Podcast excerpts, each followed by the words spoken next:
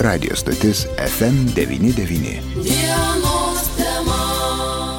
Sveiki, bičiuliai, studijoje prie mikrofono Eglė ir Liudas. Sveiki. Šiandien dienos temoje kalbame su Lietuvos miesto savivaldybės gydytojų Povilu Jėgelavičiumi. Labadiena, gerbiamas Povilai. Labadiena. Nuo šiandien įsigaliojo darbų ir veiklos ryčių sąrašas, kuriuo atstovai turės būtinai profilaktiškai, periodiškai tikrintis dėl COVID ir savo pirmąjį testą turi pateikti darbdaviui per 70 dienų. Galbūt jūs galite plačiau šiek tiek paaiškinti, kur tuos testus bus galima darytis, nes štai ir šį rytą jau 1808 koordinatorė sako, jog kai kur testo didžiuosiuose miestuose teks laukti vieną, dvi dienas, o kai kuriuose miestuose ir iki keturių, penkių dienų. Tad e, kokia situacija Lietuvos mieste? Taip, tai vyriausybei pakeitus nutarimą dėl testavimo, tai išsiplėtė testuojamų jų asmenų sąrašas, sričių tiksliau, ir tie asmenys turės dabar atlikti greituosius antigeno testus arba pirmiau atlikti greitai serologinį testą, jeigu jisai bus neigiamas, toliau turės testuotis kas 7 arba 10 dienų greitaisiais antigenų testais.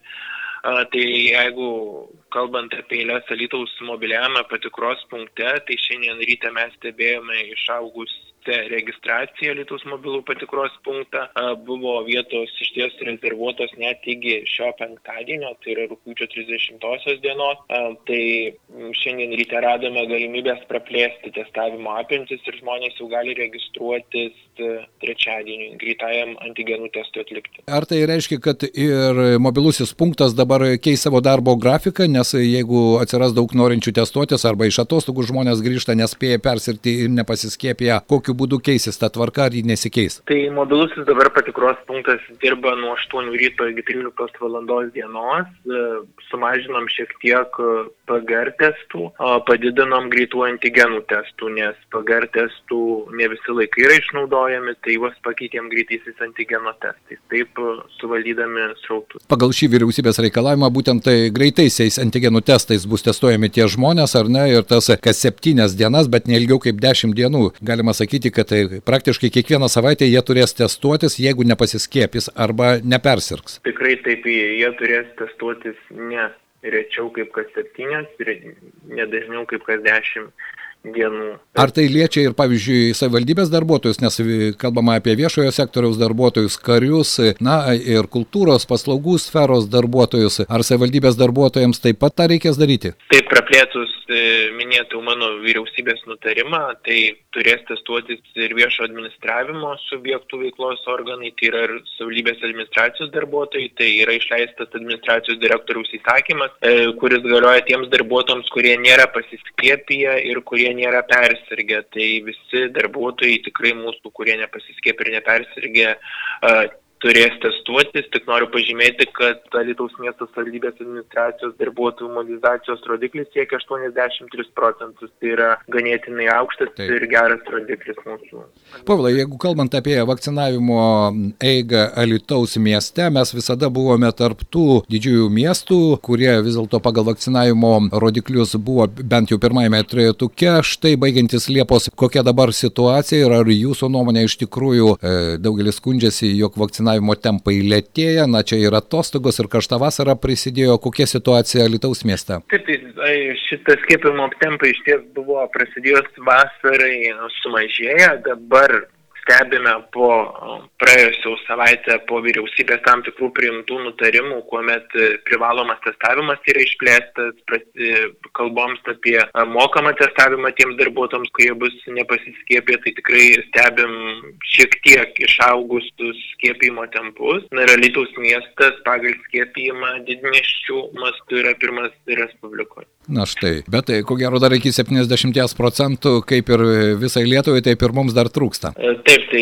Lietuvos mieste yra pasiskiepę 53,5 procento Lietuvos miesto gyventojų. Tai daugiau nei pusė, tai dar iki 70 procentų šiek tiek reikia taip. padirbėti, kad, kad pasiskiepytų asmenį. Jūsų nuomonė, kokios gali būti tos skatinamosios priemonės, nes, na, kiekvienas, ko gero, kiekvienoje savivaldybėje bandoma buvo ieškoti kažkokių skirtingų priemonių, kas ledais vaišino, kas pramogas nemokamai siūlė, bet tai tokie momentiniai dalykai. Povilai, kalbant apie galbūt tokio platesnio masto, nes štai ir šiandien jau ir vyriausiai epidemiologija pradeda kalbėti apie tai, kad ir vyriausybė kalbama apie ketvirtosios bangos jau prasidėjimą. Jūsų nuomonė, kokios priemonės galėtų paskatinti žmonės vakcinuotis? A, tai jau čia nuspręs vyriausybė privalomą testavimą įvesti ar neįvesti, bet žmonės turi susivokti, kad suvaldyti epidemiją galime tik tais pasiskiepiję.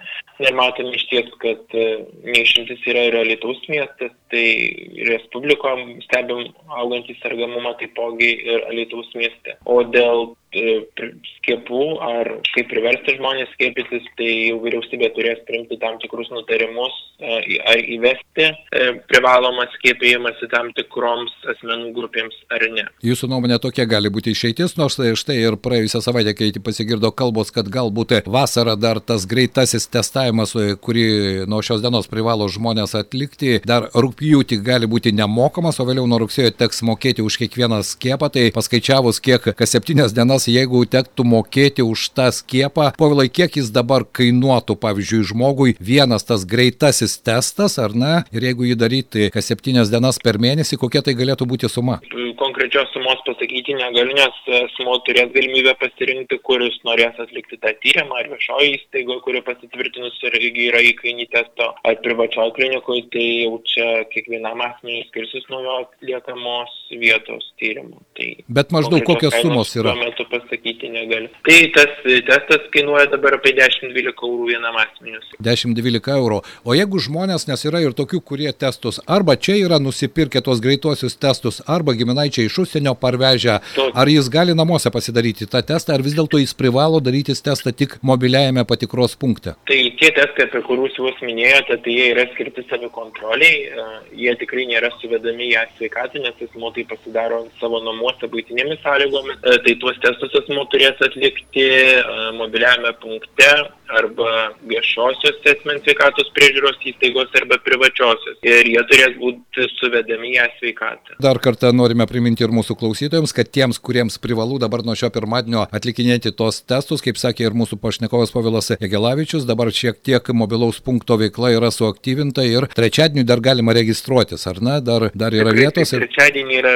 vietų greitam antigeno testui atlikti. Viskas aišku. Aš, Pavilai, dar noriu klausti, jūs užsiminėte, kad testuotis turės tie žmonės, kurie arba nesiskiepia, arba prasirgia. Tai tie, kurie, sakykime, prasirgia, jie turėtų skaičiuotis kiek dienų, ar yra pat naujinta kažkokia informacija, ar tiesiog stebėti galimybių pasą, kada jau nustos galioti galimybių pasą žmogaus, kiek dienų galioja. Tai gali asmenys pasiskaičiuoti, tai asmenys, kurie prieš mažiau nei 180 dienų buvo patvirtinta COVID lyga. Tai jeigu aš persirgau jau daugiau nei prieš 180 dienų, tai man irgi reikia testuotis arba tuomet pasiskiepyti. Arba tie asmenys, kurie prieš mažiau nei 60 dienų dar yra gavę teigiamą serologinio tyrimo atsakymą. Supratau, ačiū. Gerbiamas Povilai, ir dar vienas klausimas, dar viena problema, su kuria ku gero ir jums kaip savivaldybės gydytojų tenka susidurti, tai yra prisidedate prie ekstremalių situacijų darbo ir, žinoma, nelegalių migrantų apgyvendintų yra Lietuvos mieste. Ar štai jums kaip gydytojui tenka jau spręsti kai kurias ir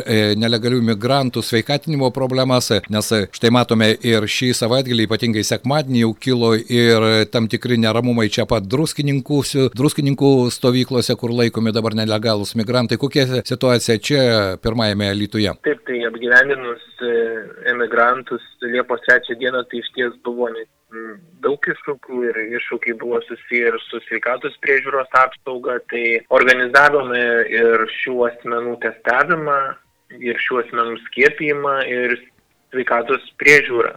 Mhm. Tai du kartus testavimą PGR testais, tai keturiem asmenim buvo nustatyti teigiami atvejai, juos mes išvežėme į Abromiškių ligoninę, praėjusį penktadienį paskutinius asmenys prisivežėme iš Abromiškių ligoninės, jau jie yra pasveikę ir nebepavojingi kitiems asmenims. Šiandien šių asmenų jau baigėsi izolacija mūsų patalpose administracijos, kurios yra skirtos jiems atgyvendinti. Na, o ką dar teikiame, tai teikiame ir pirminės sveikatos priežiūros apsaugą, tai šeimos gydyto konsultacijos ir panašiai. Jeigu būna kažkoks netidėliotinas atvejs, tuomet atvyksta greitoji medicinos pagalba, asmuo yra transportuojamas į ligoninę gydymui. Raudonojo kryžiaus savanoriai irgi, ko gero, talkina, jų pagalba irgi būtina reikalinga. Tikrai taip, talkina visais reikiamais klausimais. Aišku. Pavalai, kiek galima, aš prisimenu, Liepos pradžią buvo kalbama, na, iki Liepos mėnesio pabaigos tikrai migrantai bus iškelti į galbūt pastovesnės stovyklas, bet štai jau Liepa baigėsi paskutinę savaitę, jūs irgi dirbate ekstremalių situacijų komisijoje, bet kol kas, ko gero, tokios informacijos konkrečios dar neturite. E, konkrečios informacijos neturime, kiek jie dar bus, tik žinome, kad šiandien jau baigėsi izolacija, tai laukiam kažkokios oficialios informacijos rašto iš tam tikrų institucijų su prašymu pratesti šių asmenų apgyvendinimą. Tai reiškia, jeigu izolacija baigėsi, jie, nežinau kaip dabar įstatyminė bazė, pagal pakeistas įstatyminės normas, jie turės galimybę laisvai išeiti į miestą? Tai laisvai išeiti į miestą tikrai negalės, nes Lietuvos Respublikos prezidentas pasirašė įstatymo pataisas, kad taip nevyktų. Kągi, povilai, šiandien noriu padėkoti Jums už išsamų pokalbį, už Jūsų informaciją, palinkėti sveikatos. Nežinau, ar atostogavote, ar jau po atostogų, nes daugeliu dabar ir esant tokiai situacijai ir covidiniai, ir migraciniai, ir atostogos yra atšaukiamas, o kaip Jūs? Tai iš ties darbuojamės, atostogauti nėra kada. Supratau. Dėkui Jums, geros dienos. Povilas Jegelavičius buvo Lietuvos miesto savivaldybės gydytojas, mūsų dienos temos svečias. Dienos tema.